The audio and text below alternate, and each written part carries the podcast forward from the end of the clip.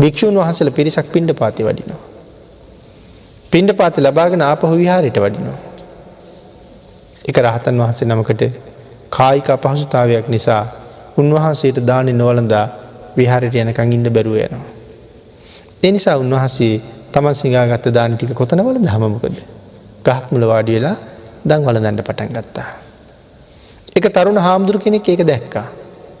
දැකල තරුණ හාමුදුරුව සමච්චලයක් කිරවා.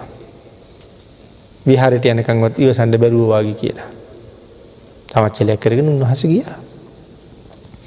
හැන්දෑව අර ස්වාමීන් වහන්සේ භික්‍ෂූන් වහසලට කතා කර ලැහවා අර අහවල් ස්වාමීන් වහසට මං එන්ඩ කිව්ව කියන්ට.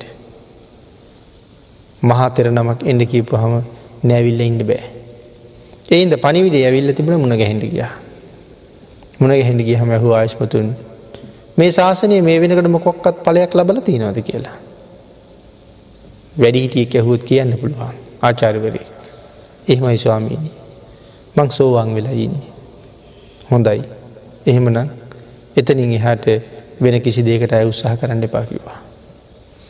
ආංගේ වෙලාවෙ කරුණ දන්න හින්දා උන්වහන්සට තේරුණා එහෙනං මහස්වාමීන් වහස රහත්වෙල ඇත්ති.